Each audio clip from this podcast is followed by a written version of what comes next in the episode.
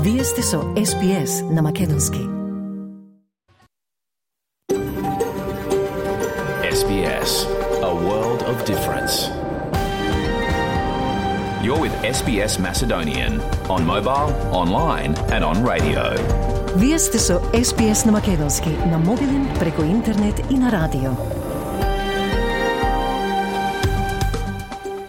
SBS им одава признание на традиционалните собственици на земјата, од која денеска ја емитуваме програмата на македонски јазик.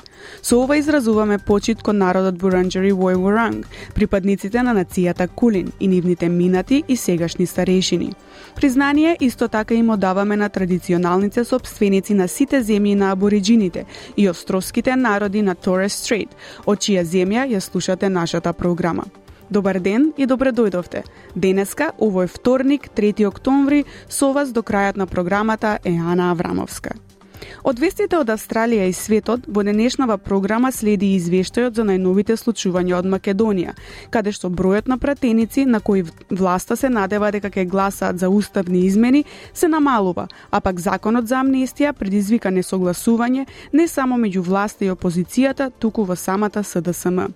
Од светските теми, изборите во Словачка, партијата на поранешниот премиер Роберт Фицо освои најголем дел од, од гласовите, со што тој стана најверојатен кандидат за формирање на влада. Тој беше избран во популистичка кампања која на широко се смета за проруска. Од домашните теми, глобалните напори за облажување на климатските промени се во фокус пред конференцијата за климатски промени на Обединетите нации, која ќе се одржи во ноември. По од прилогот ќе дознаеме и малку повеќе за тоа каде стои Австралија во споредба со остатокот од светот. А кон крајот на програмата ќе имате и прилика да слушнете прилог кој го подготви нашиот колега Васе Коцев за македонската православна општина за Мелбурн и Викторија, која во неделата на 1 октомври свечено го пушти во употреба ново изградениот Македонски културен центар во дворот на црквата Свети Ѓорги и Пресвета Богородица во Епинг, Мелбурн. На настанот меѓу другите присуствуваше и Енджу Гилс, министерот за имиграција и мултикултурни работи, кој не само што изрази огромно задоволство за можноста да биде дел од овој настан, туку истакна дека овој центар е од голема важност за мултикултурализмот во Австралија. Останете со нас, драги слушатели, сега следуваат вестите на СБС со колешката Радица Бојковска Димитровска. Радица, повели. Благодарам, Ана. Добар ден и од мене. Во денешниот билтен се очекува Резервната банка на Австралија на денешната седница да ги остави каматните стапки непроменети. Пожарникарите продолжуваат да се борат со пожарите што се надвор од контрола во различни делови на земјава. Гласањето за измени во македонскиот устав, опозицијата од албанскиот блок го условува со бришење на одредницата 20% за користење на албанскиот јазик и Светската здравствена организација одобри нова вакцина против маларија. Слушајте не. Гувернерката на Резервната банка во Австралија, Мишел Булок, се очекува да ги остави каматните стапки непроменети на првиот состанок на Централната банка, откако таа ја презеде функцијата од поранешниот гувернер Филип Лоу во септември. Економистите велат дека RBA најверојатно ќе остави стапката на готовина непроменета на 4,1% во октомври, откако членовите на одборот ќе се сретнат денеска 3 октомври за прв пат под водство на господица Булок. Австралиските должници се очекува да бидат поштедени од поголема болка од каматните стапки по 12 зголемувања во последната година под раководство на господин Лоу. Се очекува одборот да почека до објавувањето на тромесечните бројки за инфлацијата на 20. 25 октомври пред да ја промени стапката. Резервната банка во Австралија останува будна за се што се заканува на незиниот план да ја намали високата инфлација, особено откако месечниот индекс на потрошувачки цени се зголеми неочекувано во август. Пожарникарите продолжуваат да се борат со пожарите кои се надвор од контрола во различни делови на земјата. На луѓето во регионот Гипслен, во Викторија, им беше кажано да ги напуштат домовите откако шумскиот пожар, кој што е надвор од контрола, стана поголем за три пати. Во Нов Јужен Велс, Грейтер Сидни Хантер и северозападните региони се исто така под екстремна опасност од пожар, како што се и Upper Central West Plains и Far South Coast. Целосните забрани за палење на оган се насилав за овие локации и околните региони. Комесарот за рурални противпожарни служби во Нов Јужен Велс, Роб Роджерс, изјави за Канал 9 дека пожарникарите во државата имаат вистински предизвик со 82 пожари кои што горат широм Нов Јужен Велс, а само 16 од нив се под контрола. We've got some 82 fires burning across New South Wales. 16 of those are not contained. The ones that we're most concerned about are the fire near Mud, north of Mudgee uh, yesterday. That burnt through a number of uh, outbuilding structures. Uh, we're going to be really watching that closely today because it's going to get some really nasty weather. We've got fire at Borley Point in the Shoalhaven area that we still don't have full containment on that fire, and also a couple of fires in the Snowy Mountains area. Значи поточно 16 од тие пожари се надвор од контрола. Преду, предување за итни пожари има и за планината Танер во Тасманија, каде што жителите беа повикани веднаш да заминат од своите домови, доколку тоа може да го направат безбедно. Премиерот Антони Албанезе вели дека референдумот за воспоставување домороден глас во парламентот се уште може да успее. Ова доаѓа напоредно со отворањето на предвременото гласање во сите преостанати држави и територии, а остануваат уште само 10 дена до референдумот на 14 октомври. И Newspol и Resolve Political Monitor сугерираат дека поддршката за гласот се намалува. Но господин Албанезе изјави за радио ABC дека очекува голем број неопределени гласачи да гласаат за It, it is certainly winnable. And what I get, including from the volunteers who I met with in Hobart yesterday afternoon, is that when people have those one on one conversations with people about what the question is, when I myself have pointed out to people, sat down with people and asked them to read the question, people who are either undecided or soft no voters uh, declare, yeah, that's fair enough. This is the right thing to do. Во меѓувреме, водечки членови на кампањата не се обратија на митингот во Перт вчера вечер, додека тече последната двонеделна од двенеделна кампања за референдумот за домороден глас во парламентот. На митингот присуствуваа истакнати активисти на кампањата не, меѓу кои и Джасинта Нампиджимпа Прайс и Нјунгај Уорен Мандин, заедно со директорот на конзервативната кампања на Advance Australia Метју Шихан. Господица Прайс вели дека гласот не е во согласност со австралиските вредности и дека таа не сака Австралија да биде поделена врз расна основа. We do not want to see our country divided along the lines of race. We do not want a future uh, where our children aren't proud to call themselves Australian. That's not the Australia that we've grown up with and that we have loved. Во Викторија ќе се воведат задолжителни периоди на затворање за местата со машини за коцкање, како дел од државните реформи за справување со штетите од коцкањето. Предлог законот за изменување и дополнување на сегашните закони за игри треба да бидат представени во државниот парламент денеска. Според предложените промени, местата ќе треба да ги затворат сите делови каде што има машини за коцкање помеѓу 4 и 10 часот наутро секој ден. Казиното Краун во Мелбурн е изземено од задолжителното затворање што треба да стапи на сила до средината на 2024 година. Бројот на пратеници за кои власта се надева дека ќе гласаат за измени во македонскиот устав се намалува.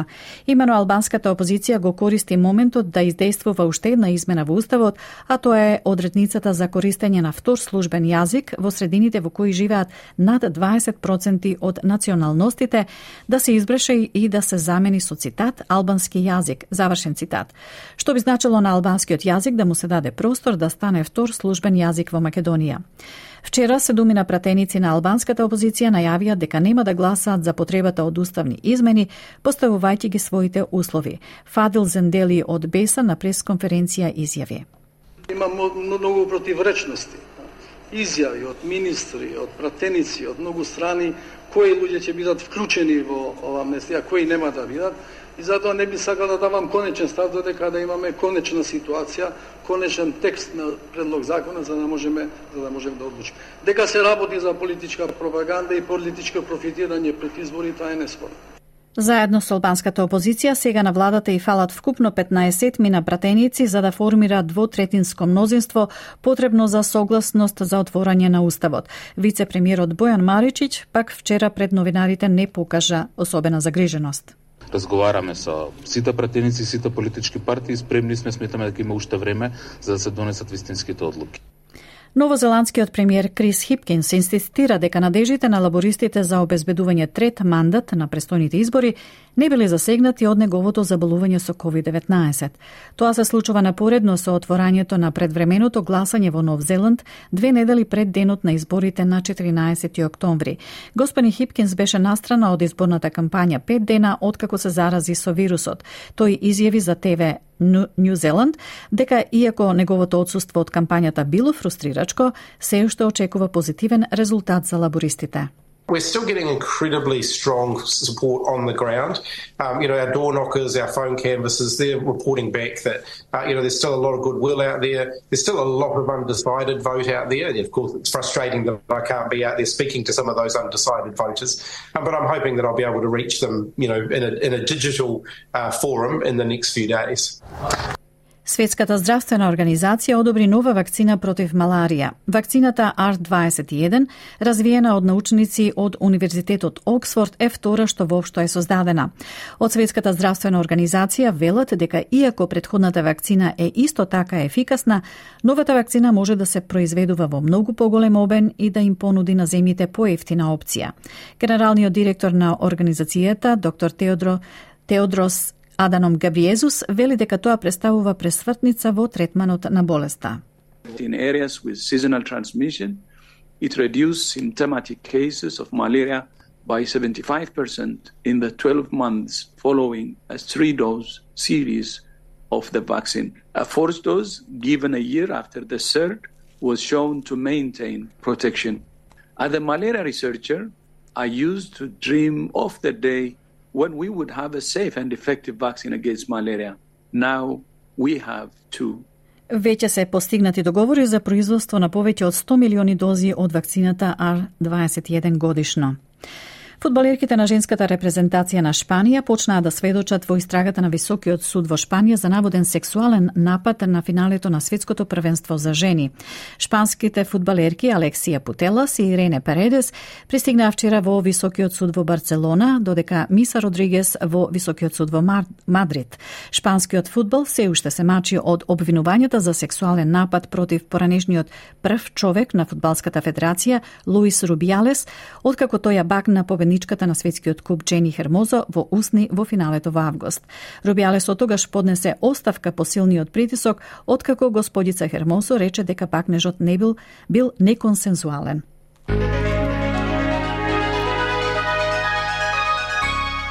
Од најновата курсна листа, денеска еден австралиски долар се менува за 0,6 евра, 0,64 американски долари и 37,01 македонски денар, додека американскиот долар се менува за 57,73 македонски денари, а еврото за 61,03 македонски денари.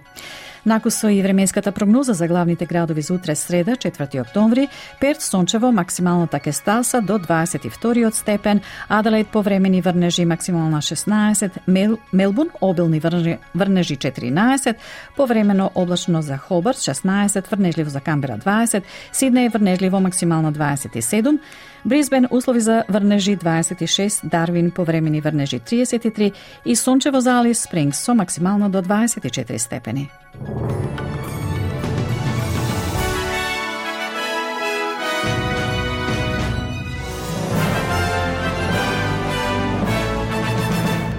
Тоа беа вестите на СБС на Македонски за 3 октомври. Благодарам Радица. Ја следите програмата на SBS Audio, а со вас денеска е Ана Аврамовска. Извештајот од Македонија ќе покрие неколку важни теми. Бројот на пратеници на кои власта се надева дека ќе гласаат за уст, уставни измени се намалува. Гласањето за измени во македонскиот устав, опозицијата на албанскиот блок го условува со бришење на одредницата цитат 20% за користење на албанскиот јазик затворен цитат. Законот за амнестија предизвика несогласување не само меѓу власти и опозицијата, туку и во самата СДСМ.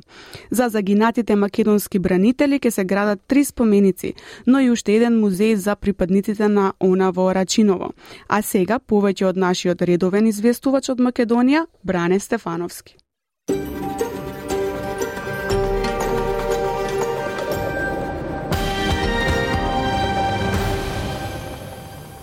Бројот на пратеници на кои власта се надева дека ќе гласаат за уставни измени се намалува. Имено албанската опозиција го користи моментот да издействува уште една измена во уставот, а тоа е одредницата за користење на втор службен јазик во средините во кои живеат над 20% од националностите да се избрише и да се замени со цитат албански јазик завршен цитат што би значело на албанскиот јазик да му се даде простор да стане втор службен јазик во Македонија.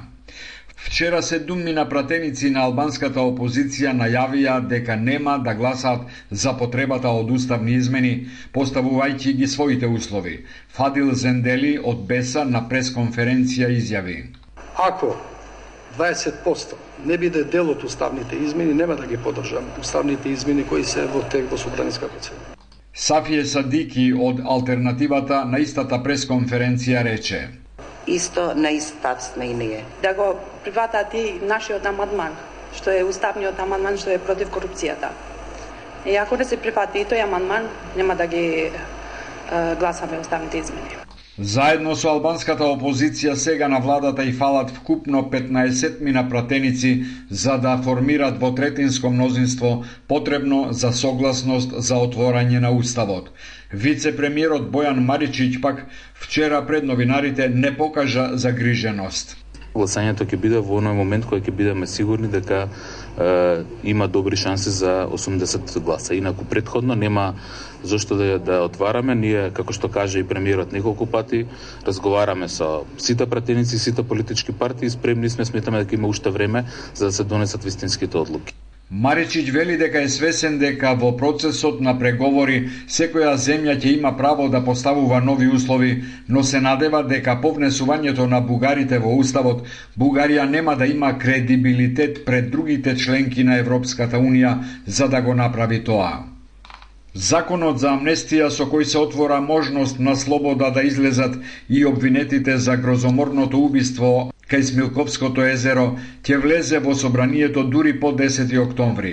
Авторот и предлагач на законот, министерот за правда Кренар Лога, е на службен пат во САД. Лидерот на ВМРО ДПМН е Христијан Мицкоски и вчера одржа состанок со собраницката пратеничка група на кој, како што соопштува партијата, бил зацементиран ставот дека ако законот во собраниска процедура влезе со европско знаменце, ВМРО ДПМН ќе го блокира, односно ќе го напушти парламентот. И албанската опозиција смета дека законот за амнестија е политичка алатка на власта пред избори. Фадил Зендели од Беса на пресконференција изјави. Има многу противречности. Изјави од министри, од пратеници, од многу страни, кои луѓе ќе бидат вклучени во ова амнестија, кои нема да бидат и затоа не би сакал да давам конечен став додека да имаме конечна ситуација, конечен текст на предлог закона за да можеме за да можеме да одлучиме. Дека се работи за политичка пропаганда и политичко профитирање пред избори, тоа е неспорно. Министерот Лога кој е во сад на најавите на опозицијата иронично одговара дека напуштањето на собранието од страна на ВМРО ДПМН е, е добре дојдена вест за граѓаните. И СДСМ упатува критики кон ВМРО ДПМН за неконструктивност. Дарко Каевски на пресконференција рече. Мицкоски секој утро станува со помислата да блокира нешто, дури и кога нема нешто да се блокира, измислува, така и овој случај, односно измислено европското знаменце, самиот си измислува и самиот си коментира. Нема никаква логика во неговите изјави. Меѓутоа, спротивставени ставови за законот за амнестија нема само меѓу власта и опозицијата, туку и внатре во СДСМ. Законот донесе несогласување меѓу премиерот и министерот за внатрешни работи Олидер Спасовски. Ковачевски предлага заострување на критериумите, а Спасовски смета дека амнестија не треба да има. Јас искажав мој став и кажав дека тоа е тоа е мој став и јас стојам цврсто на тој став дека а, со законскиот текст не се постигнуваат ефекти и дека треба да се размислува стратешки во правец на создавање на услови за да може тие кои што се за издржување на казни да ги издржуваат казните, а не преку амнестии да ослободуваме простора во казнено поправни стане. Дуи дава поддршка на законот. Арбер Адеми на пресконференција изјави. Мислиме дека интенцијата на Министерството за правда е издржана, да има похумани услови за сите тие кои нели се по затворите. Според најавите, амнестијата во парламентот ја оди по скратена постапка, но не и под европско знаменце, бидејќи и министерот Лога бил против неговата злоупотреба. Дека европското знаменце се злоупотребува во донесувањето на законите, неодамна забелешка упатија и институциите на Европската Унија по усвојувањето на измените на кривичниот законик, кои исто така беа усвоени под знакот на европското знаме. Министерството за одбрана информира дека постапката за изградба на спомениците на загинатите бранители од 2001 година во местноста Љуботенски Бачила, на Карпалак и во Вејце е почната. За загинатите македонски бранители ќе се градат три споменици, но и уште еден музеј за припадниците на ОНА во Арачиново. По повеќе месечните противења на градоначалниците да ја прифатат ваквата иницијатива, владата на предходната седница ги задолжи институциите местата за изградба на овие споменици да му бидат доделени на Министерството за одбрана.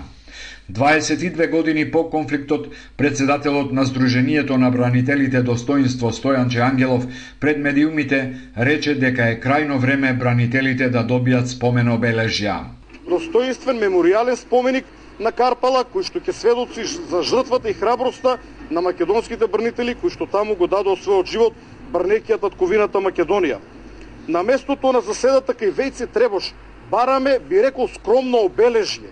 Тоа се места кои што се слабо посетени, каде што пред се се движи локално население. Нам со, овие иницијатива, со оваа иницијатива не ни е целта да го револтираме локалното население, туку да одбележиме место каде што загинале нашите браке по оружје. Истовремено градоначалникот на Арачиново Ридван Ибраими најавува изградба на нов музеј посветен на она. Ако Ибраими го реализира ова ветување, тоа ќе биде втор музеј во Арачиново и петто обележје на она во Македонија. Во Арачиново во 2005 година бесправно беше изграден мемориален центар за загинатите припадници на поранешната ОНА. Музеј на борците на ОНА, или како што е именуван Музеј на слободата, во 2008 година беше отворен во куќата на Јашар Бек во Скопски Чаир, додека како дел од одбележувањето на 100 годишнината од независноста на Албанија во 2012 година во Слупчане беше отворен музеот посветен на конфликтот во 2001 година и на ОНА. Минатата година во Слупчане беше откриена спомен кула во чест на поранешните припадници на ОНА вредна 200.000 евра. Тоа беше колегата Бране Стефановски со извештајот од Македонија за 3 октомври. Доколку сакате да слушнете повеќе прилози на различни теми, посетете не на нашата Facebook страница SBS Macedonian или нашата веб страница sbs.com.au/macedonian. Почитувани, вие слушате SBS на Македонски, а со вас овој вторник, 3 октомври, е Ана Аврамовска. Изборите во Словачка покажаа дека партијата на поранешниот премиер Роберт Фицо освои најголем дел од гласовите, со што тој стана најверојатен кандидат за формирање влада. Тој беше избран во популистичка кампања која на широко се смета за проруска, но сепак тој се уште треба да формира коалиција. Овој прилог за SBS News го направи Джулиет Ие. Роберт Фицо е на насловните страници во Словачка и низ Европа. 59 годишниот Роберт Фицо е лидер на партијата Смер и што толку беше прогласен за победник на парламентарните избори. Неговата партија освои најголем дел од гласовите, речиси 23%. Господин Фицо зазеде остар став против поддршката на Украина од неговата земја, а поради тоа стана забележлив и надвор од Словачка – Тој во својот победнички говор го повтори овој став. Словенско, а луѓе на Словенско мају веќе проблеми ако е Украина. Slovakia and people in Slovakia have more serious problems than Ukraine. That's all I can say at this moment. We believe Ukraine is a great tragedy for everybody. If SMER happens to form a government, no matter if it gets the post of the Prime Minister, it is irrelevant now. We will do all we can also within the EU to reach peace negotiations as soon as possible.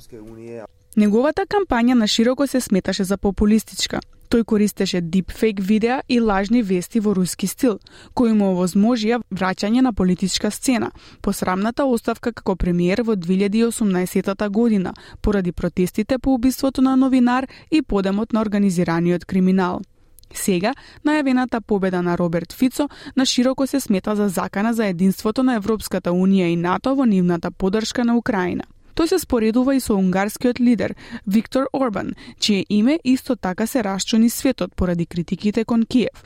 Орбан дури ја поздрави победата на Роберт Фицо, кој го нарече патриот. Покрај ова, кампањата на Роберт Фицо вклучуваше и затворање на границата со Унгарија, за да се запре протокот на мигранти, уште една од неговите омилени теми. One of the government's first decisions must be a government regulation to restore border controls with Hungary. And yes, that's all there is to it, and I stand by it. It won't be pretty pictures. Force may be needed to solve the migrant problem. Но дали на вистина е толку едноставно? Председателката на Словачка, Зузана Чапутова, мора да побара од него да формира влада, бидејќи традиционално, оној кој ќе освои најголем дел од гласовите ја добива таа привилегија. Но тоа не значи дека тој ќе успее. Роберт Фицо не е лишен од противречности. Неговите говори ги одразуваат ставовите на Москва, но тој се уште негира дека е проруски кандидат и вели дека сака да ја задржи својата земја во НАТО. Тој исто така е лидер на партија, која тврди дека е дел од социјалдемократската традиција на Европскиот левичарски центар, но сепак ги поддржува популистичките пораки поврзани со ултрадесницата, до тој степен што другите социјалдемократи низ Европа ги прекинаа сите врски со него. На Роберт Фицо му требаат најмалку двајца коалициски партнери, од кои едниот потенцијален партнер е отворено проруската екстремно десничарска партија, а другиот е социјалдемократската партија, која е составена токму од такви луѓе кои побегнале од партијата на господин Фицо така што нема да биде лесно да се формира коалиција, а социјалдемократите веќе дадоа до знаење дека ќе разгледаат други опции, доколку е потребно. Михаел Симецка, лидерот на прогресивната словачка партија, која е про ЕУ и Украина, го рече истото откако го призна поразот. Ровнако респектуваме, же If the things go ahead in the way they were announced by the president, the mandate to form the government will go to Robert Fico. But despite this, we've said during our campaign we'll do everything possible to prevent it from happening. So Robert Fico won't govern in Slovakia again. Роберт Фицо исто така можно е да го ублажи својот став откако ќе седне на премиерската фотилија. Тој добро го знае тоа, бидејќи веќе два пати беше премиер, од 2006 до 2010 година и повторно во 2012 до 2018 година. Во тоа време тој мораше да ја ублажи својата евроскептична реторика за да интегрира својата земја во евровалутата. Во секој случај, Словачка е важна. Земјата со 5,5 милиони жители е поддржувач на Украина, со донирање на оружје и отворање на границите за бегалците кои бегаат од војната. А во меѓувреме, шефот за надворешната политика на Европската Унија, Жозе Борел, е во Киев, зборувајќи за важноста на војната со информации.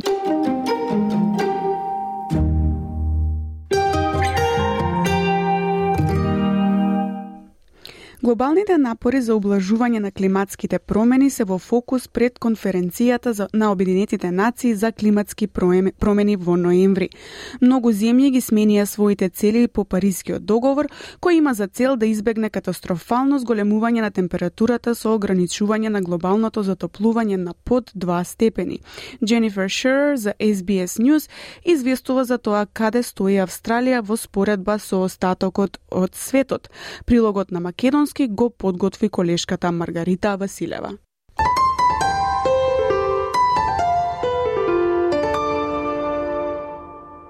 Во тек е трката за светот да достигне нето нула емисии.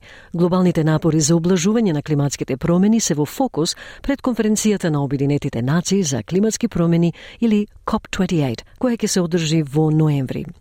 Професор Диана Алесандро е од иницијативата Net Zero на Универзитетот во Сиднеј. Таа вели нето нула на вистина значи намалување на нашата побарувачка и преминување кон употреба на форми на енергија и транспорт кои не испуштаат гасови со ефект на стаклена градина. А другиот дел од нето нула емисии значи одстранување на историските емисии на стакленички гасови од атмосферата, вели Далесандро. Net zero really means reducing our demand and moving to the use of forms of energy and transport that don't emit greenhouse gases. So that's one part of net zero, but the other part of net zero actually means, and this is really the net in net zero, means removing historical emissions of greenhouse gases from the atmosphere. Нето нула се постигнува кога емитирани стакленички гасови во атмосферата се балансираат со оние што се абсорбираат. Осум земји веќе го постигнаа тој стандард, вклучувајќи ги Панама, Мадагаскар и Бутан. Австралија постави цели да ги намали домашните емисии за 43% до 2030 година и да постигне нето нула до 2050 година. Професорот Майкл Брие, директор на Институтот за енергија на Универзитетот во Мелбурн, вели дека тоа ќе бара значителни инвестиции, целосна обнова на нашиот систем за електрична енергија и наоѓање начини за следните 30 години за да се намали влијанието на тие сектори. We need to completely rebuild our electricity system But it's not just electricity.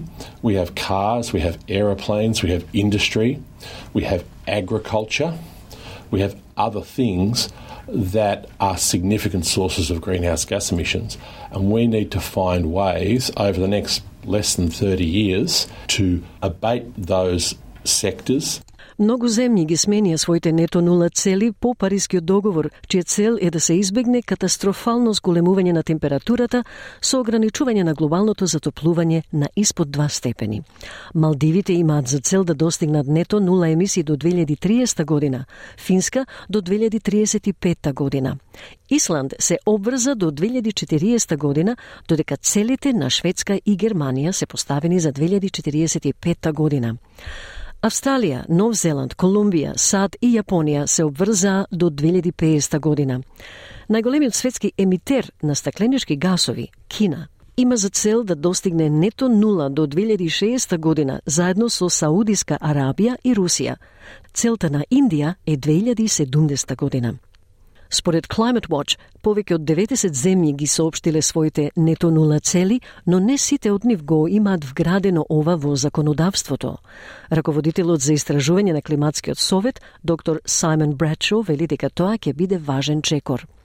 Тој вели постојат повеќе проблеми при што владите и корпорациите премногу вртат наоколу и не успеваат да постигнат вистинско намалување на емисиите, а тоа е она што е потребно во моментов. We do see a lot of problem with greenwash from governments and from corporations, a lot of spin and failure to actually achieve genuine emissions reductions, and that's what we need right now. Австралија е еден од најголемите светски потрошувачи и производители на јаглен. Но министерот за климатски промени и енергија Крис Боуен вели дека владата е уверена дека ќе ги постигне своите цели на нула емисии преку повеќето стратегии кои ги става на свое место. Господинот Боуен вели владата ја претвора нашата мрежа од 33% обновлива енергија во 82% обновлива енергија до 2030 година.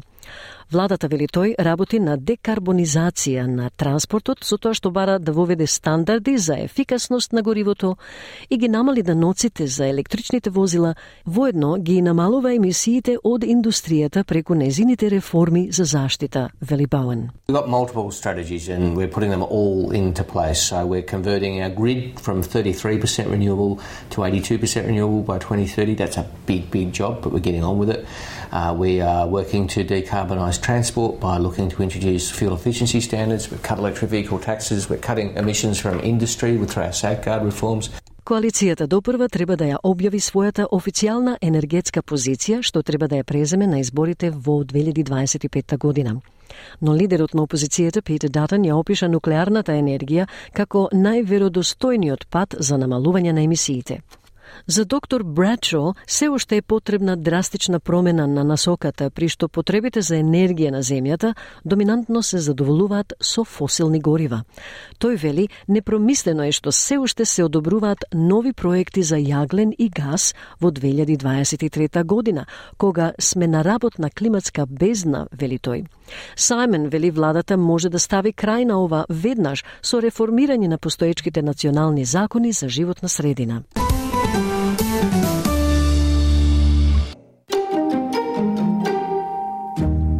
На СБС на Македонски со вас е Ана Аврамовска. Македонската православна општина за Мелбурн и Викторија во неделата на 1 октомври свечено го пушти во употреба новоизградениот македонски културен центар во дворот на црквата Свети Георги и Пресвета Богородица во Епинг, Мелбурн.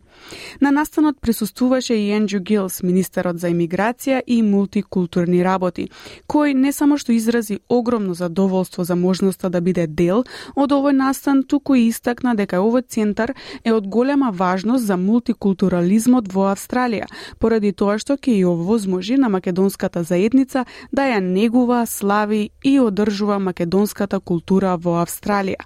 Центарот се очекува во иднина да биде место каде членовите на македонската заедница ќе можат да организираат разновидни културни настани и да дадат полн допринос во мултикултурниот живот на Австралија. Повеќе за ова свечено отворање од нашиот колега Васе Коцев. SBS. SBS. SBS. SBS. SBS. SBS. SBS Radio. Распослан на над 800 метри квадратни, новоизградениот културен центар располага со кафе-ресторан, со сала за свечености, комерцијална кујна, Македонски музеј, сала за предавања, библиотека, сала за конференции и канцелариски простории.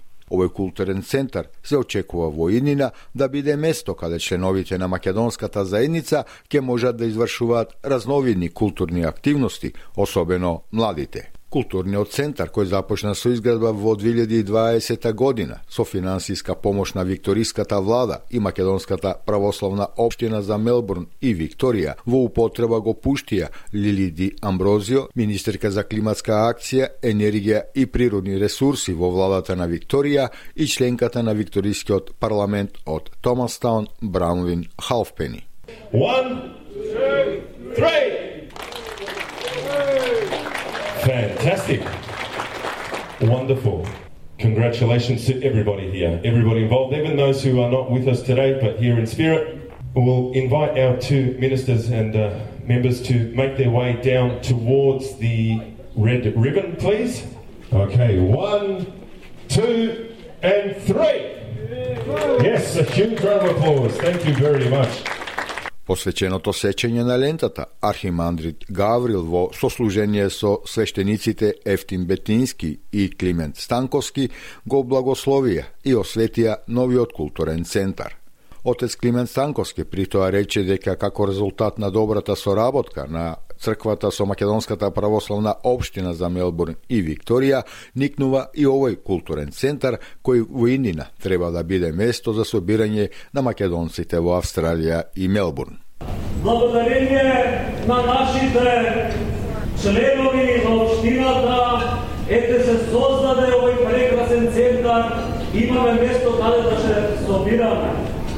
Денеска сакам да додадам почет и важност на сите председатели досегашни на Обштината на Македонската православна општина за, за Мелбурн и Викторија, на сите членови што учествувале во, во сите управи од создавањето на општината, па до денешната управа која ја раководи господинот Джон Бранов, а исто така сакам и да го спомнам поранешниот председател господинот Мирко Ангелковски, кој што го започна овој центар, кој што со огромна љубов, труд и посветеност деноночно и тоа заедно со Джонсон беше подпредседател, заедно работеа, заедно ги ствара скиците за да се изгради овој прекрасен центар.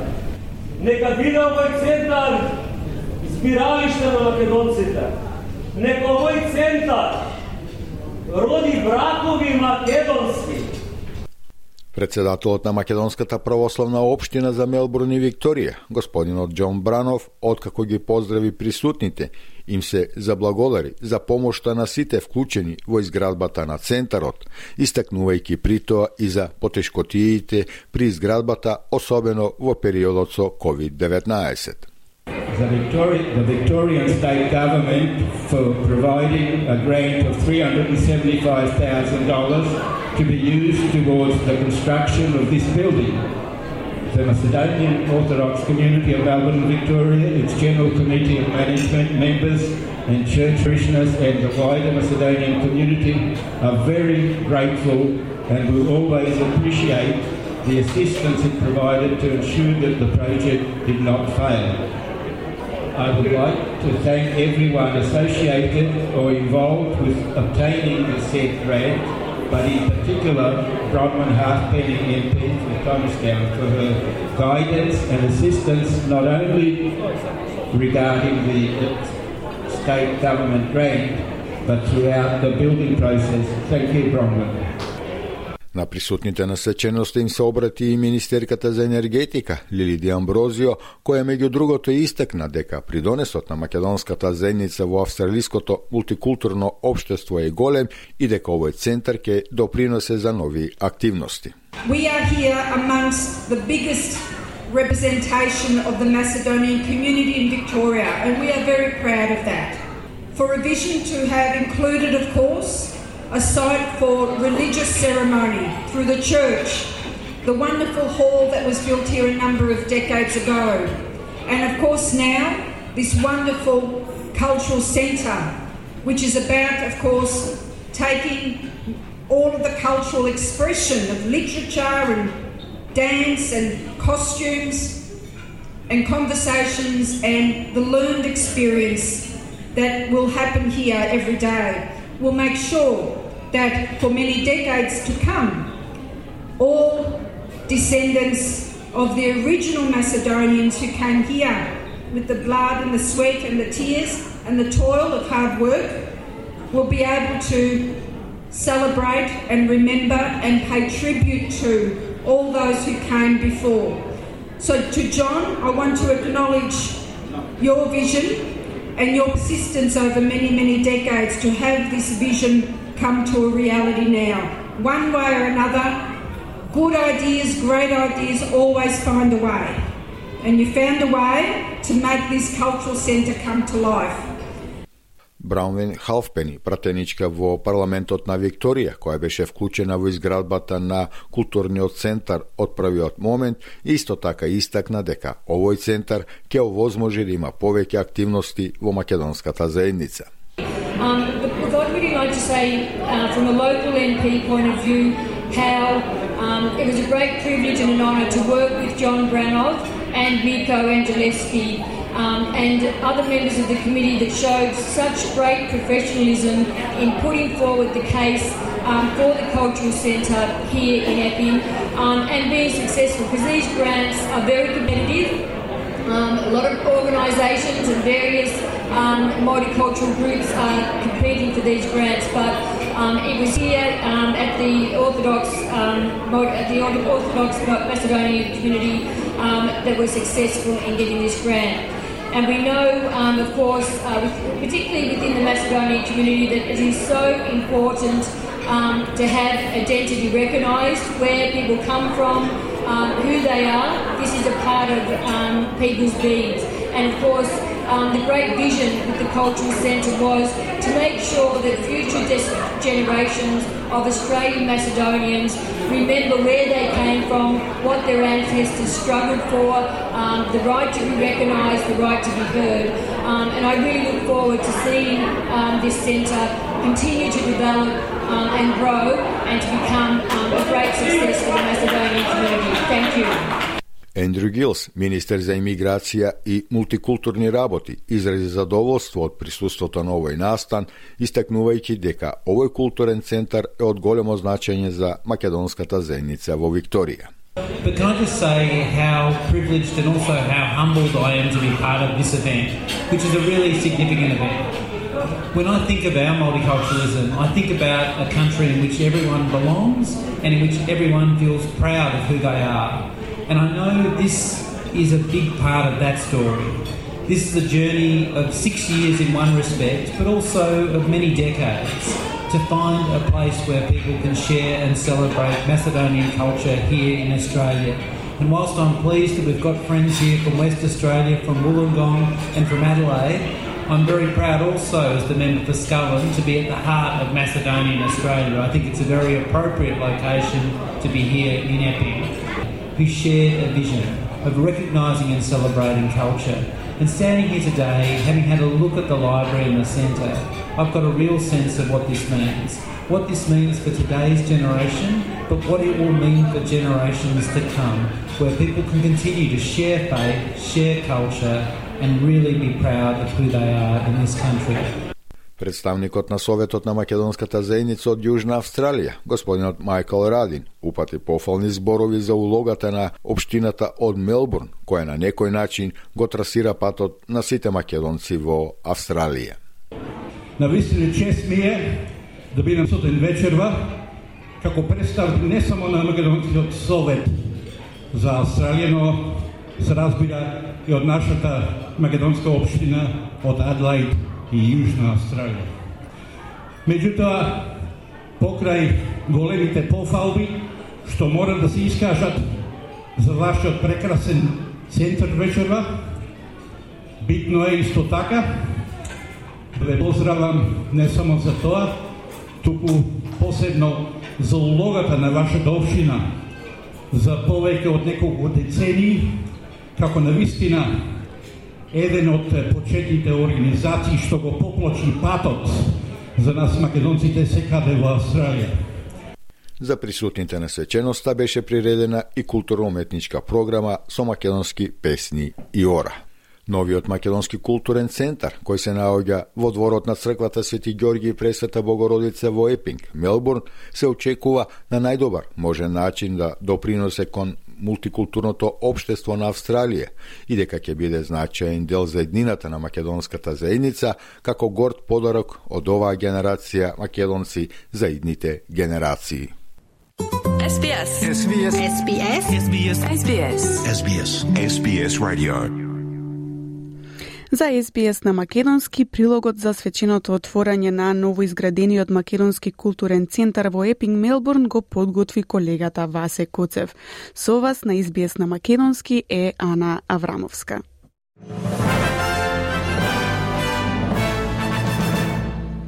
Се ближиме кон крајот и на ова издание на SBS на Македонски за 3 октомври, па да се подсетиме на некои од главните вести.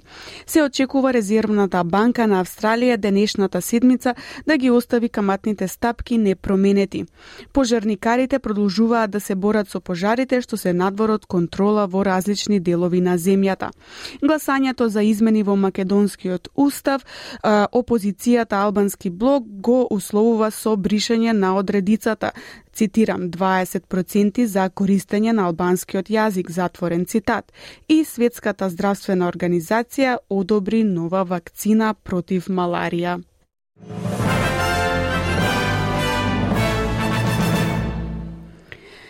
Тоа беше се за денеска, почитувани слушатели. Ви благодарам што бевте денеска со нас. Вашето друштво го очекуваме и утре во ист термин, а во меѓувреме за избор прилози и интервјуа на различни теми посетете не на sbs.com.au macedonian или пак на нашата Facebook страница SBS Macedonian. Од Ана Аврамовска ви посакувам пријатно попладне. Сакате ли да чуете повеќе прилози како овој? Слушате подкаст преку Apple Podcasts, Google Podcasts, Spotify или од каде и да ги добивате вашите подкасти.